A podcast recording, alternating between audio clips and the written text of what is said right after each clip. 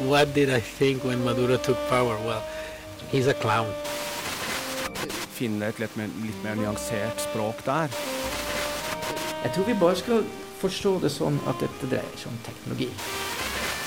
Du hører på Radio Novas samfunns- og aktualitetsmagasin Opplysningen. Hver fredag fra 10 til 11 på Radio Nova.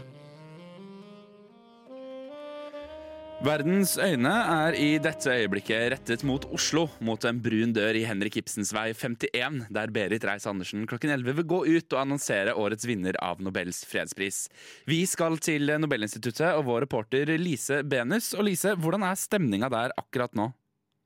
Nei, her er det veldig god stemning. Eh, masse store kameraer som er peket mot en viss brun dør. Masse lys, masse viktige eh, mennesker i slips og og dress. Så vi gleder oss veldig eh, til den døren går opp, og vi får vite hvem som da vinner eh, årets nobelpris. Men altså Fredspris.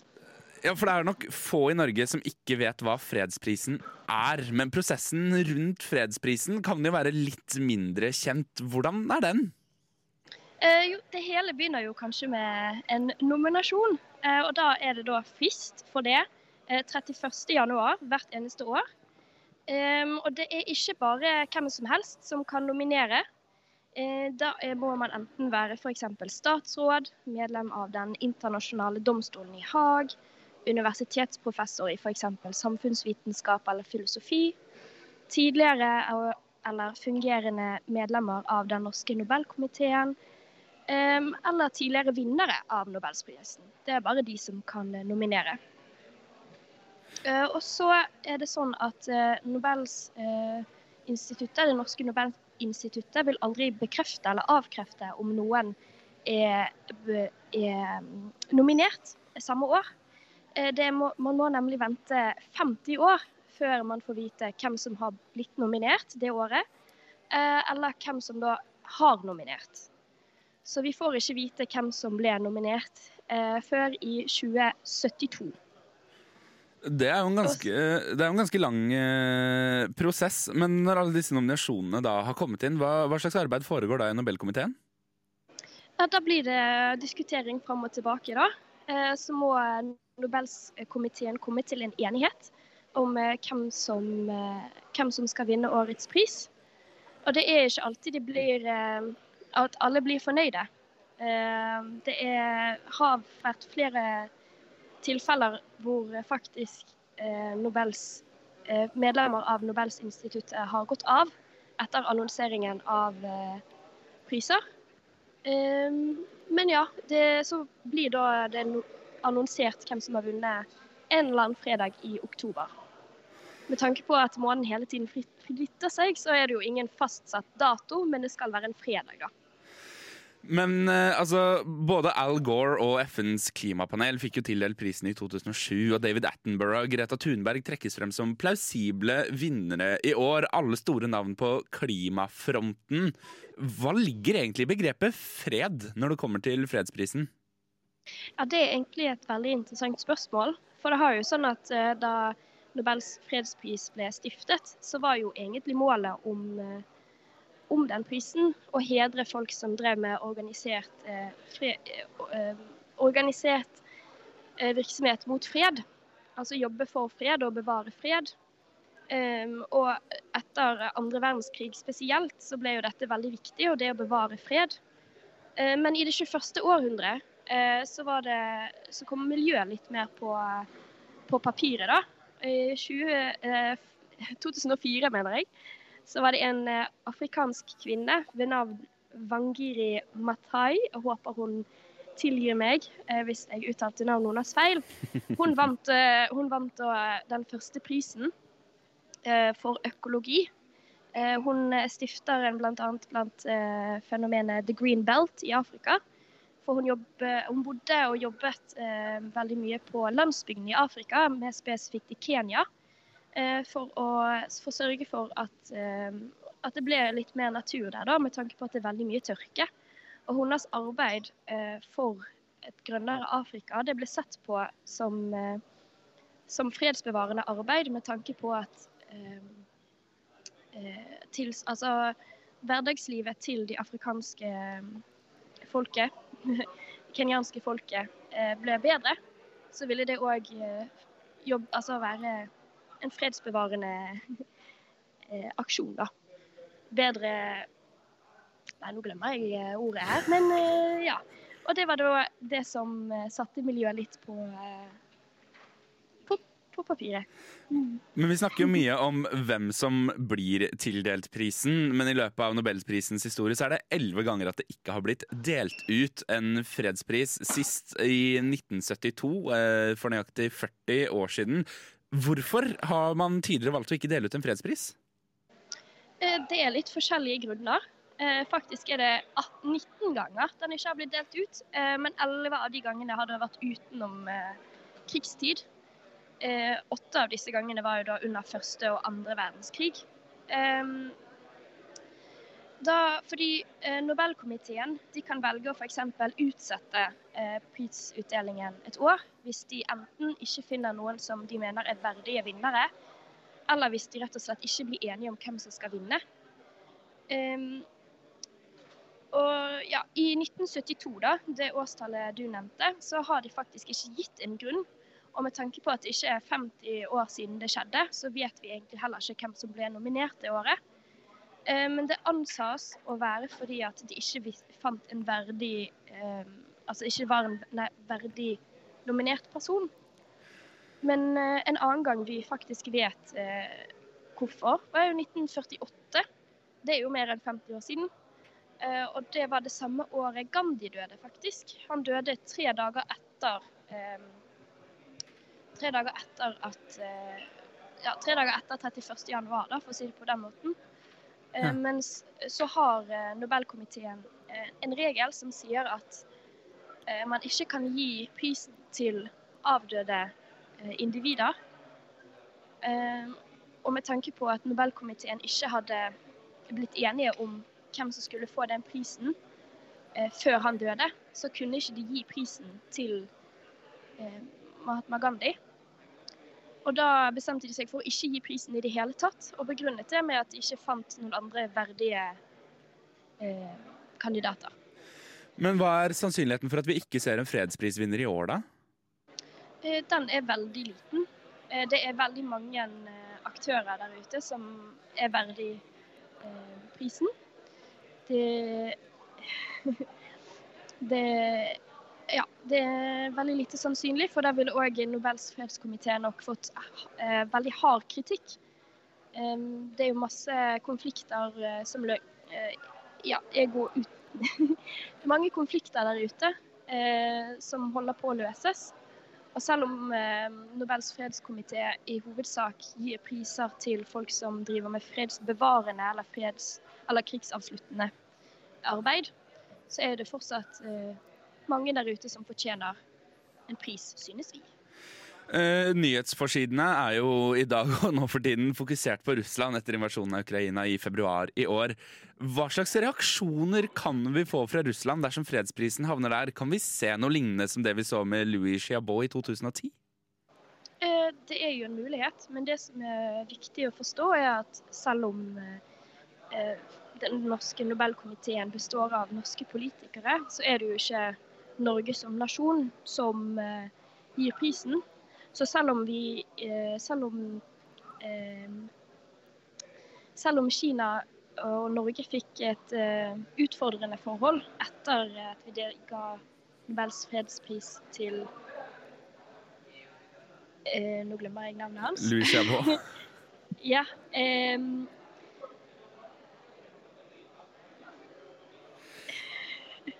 Og nå mister jeg helt troen òg. uh, Lise Venus uh, med oss fra Nobelinstituttet. Tusen takk for denne oppklaringen om uh, Nobelprisen. Vi skal straks tilbake og snakke litt om årets, la oss kalle det pent, plausible kandidater. Det har ikke gått 50 år siden i år enda, men i mellomtiden skal du få litt Radio Nova-musikk. Vi skal til Kitty og Down Low. Og så er også Radio Nova her for å gjøre opptak til sendingene sine. Opplysningen vi er der det skjer.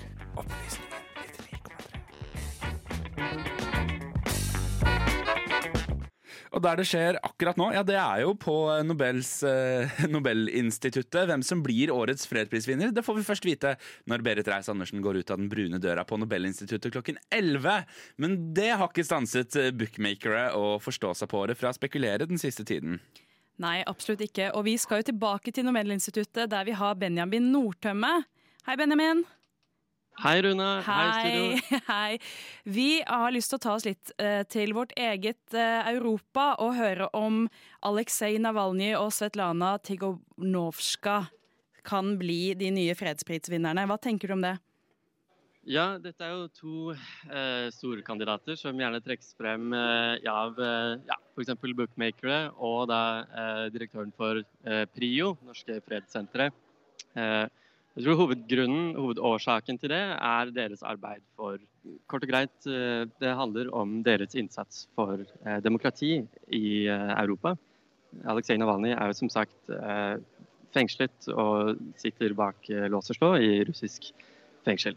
Svetlana Tikhanovskaja er i det fri, men lever i eksil som den da slags de facto lederen for den hviterussiske opposisjonen. Etter da eh, et, eh, litt, eh, et veldig omstridt valg i 2020, da Belarus' autoritære leder Aleksandr Lukasjenko erklærte valgseier på litt tvilsomt grunnlag, rett og slett. Ja, og det er jo ikke bare de som er plausible vinnere. Og vi tenker litt på han Volodymyr Zelenskyj. Om han har noen sjanse til å vinne fredsprisen, tror du det? Det er nok litt, eh, litt tvilsomt, eh, det òg. Det er nok det er nok kanskje en grad av ønsketenkning, særlig her mange i Europa og kanskje i Vesten mer generelt, som eh, gjerne skulle ønske et ukrainsk, en ukrainsk mottaker. Og da er det kanskje ikke så mange andre navn som ville bedre passet det, da, som da er Volodymyr Zelenskyj. Det som derimot er litt Problematisk for dette hadde jo vært at den fristen for å nominere noen eh, formelt går ut i eh, januar. Så vet vi jo da at den fullskala eh, krigen begynte i februar eh, i år. Så det skulle være mm, uortodokst og kanskje eh, ja, kanskje da mer eh, eh, Om ikke, ikke umulig nødvendigvis, men det ville vært eh, et slags historisk eh, Det skal, skal mye til, da. Det må et slags sånn historisk eh, paradigmeskifte nesten til Mm. at eh, det skal skje. Ja, ikke sant. Og så eh, videre så har vi jo Verdens matvareprogram som vant prisen i 2020. Og tidligere har jo både EU og FN vunnet prisen. I år er Den internasjonale straffedomstolen trukket frem som mulig vinner. Hvorfor skulle disse ha vunnet prisen? Den internasjonale straffedomstolen i Haag er jo et eh, organ eh, formelt eh, underlagt FN. Og den internasjonale straffedomstolen i Haag det er litt vanskelig å si det. Det er en arena der folk som har begått lovbrudd, folk som har begått, begått grove eh, skal vi si, eh, internasjonale forbrytelser. Eh, altså forbrytelser mot menneskeretten. Eh, mot menneskerettigheten. Ja. Eh, mot menneskeheten, eh, rett og slett. Eh, der dømmes de for Ja, og vi har jo mange skal vi se, Historisk bakteppe for eksempel, er jo da at under Balkankrigene for eksempel, så er i kjølvannet av disse lange rettslige prosessene, så har folk, eh, kommandører for eh, ulike militære grupper osv. blitt dømt for deres eh, medvirkning og utførelse av ganske grove menneskerettighetsforbrytelser, rett og slett. Mm. Men fredsprisen den er jo ikke bare en europeisk pris. Fra India trekkes jo Hash Mander fram og hans 'Caravan of Love'. Hvilke arbeid har han lagt ned? Eh, Harsh Mander er en indisk eh, forfatter, egentlig. Han har lagt ned stort arbeid for å bekjempe religiøst eh, motivert vold. Det er da det store bakteppet for en mulig pris til, til India og det indiske subkontinent.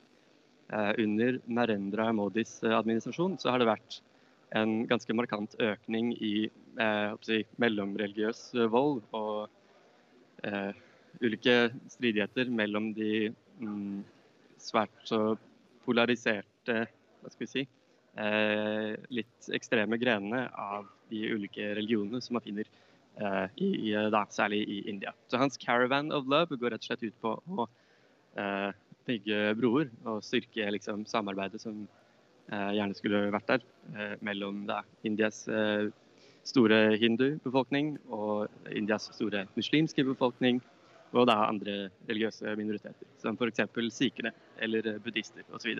Ja. Eh, og så skal vi litt videre og nærmere oss eh, Kina. For Henrik Urdal, leder av fredsforskningsinstituttet PRIO, har jo også trukket frem bl.a. Nathan Law, Agnes Chow og Ilham Toti, som har jobbet eh, mot det kinesiske regimet. Hva gjør til at disse kan være aktuelle kandidater? Eh, Nathan Law og Agnes Chow de er to eh, demokratiforkjempere fra eh, det litt spesielle eh, formelt altså, eh, kinesiske territoriet Hongkong, som da har en litt spesiell status, som har vært mye i mediene, rett og slett. Eh, fordi i Hongkong så har man gradvis mistet politiske rettigheter i forbindelse med at territoriet formelt sklir inn i en slags en slags eh, gjenvinningsprosess fra kinesisk hold. Eh, Hongkong har vært, var, lenge en del av det britiske imperiet. og skulle da nyte en spesiell situasjon i en slags sånn spesiell status i, i 50 år etter overleveringen da, i 1997. Så har jo da eh, den kinesiske siden av denne avtalen kanskje ikke vært eh, overholdt eh, spesielt godt, fordi Hongkong skulle ha eh, bl.a. frie valg og ja, alle de gode tingene vi forbinder med demokrati, rett og slett. Så Nathan Law og Agnes Chow har stått på begge to som aktive studentdemonstranter. De er ca. like gamle som vi i redaksjonen er. Så har du da Ilham Toti på en annen side, en litt annen ganske annen del av Kina, fra Xinjiang-provinsen. Hvor vi vet, og for ikke vet eh, ganske mye, men der er det i hvert fall godt belegg for å eh, omtale det som foregår som en slags eh, etnisk rensning, eller eh, folkemord, rett og slett. For der er det mange eh, etniske uigurer, som de heter, som sitter inne enten bak lås og slå for den simple, enkle, det simple, ja, enkle faktum at de er eh, ikke han-kinesere. Eh, de har en annen religion og kultur og eh, tydeligvis også tilhørighet. Jeg snakker i veldig grove trekk her, selvfølgelig, men det er eh, omtrent det eh, vi trenger å vite, da, vi, vi utenforstående. Ja, og så lurte jeg vel egentlig på kort til slutt, Benjamin, om det er noen kandidater vi kanskje har oversett, men som du tenker at er viktig å få plass til her i dette stikket? Det er et veldig godt spørsmål. Ehm, det er et kjempegodt spørsmål. Eh, I fjor så fikk jo da eh, Dmitrij Muratov og Maria Reza, eh, to journalister fra respektivt Russland og Filippinene, fikk jo fredsprisen for sitt arbeid for en fri og uavhengig presse.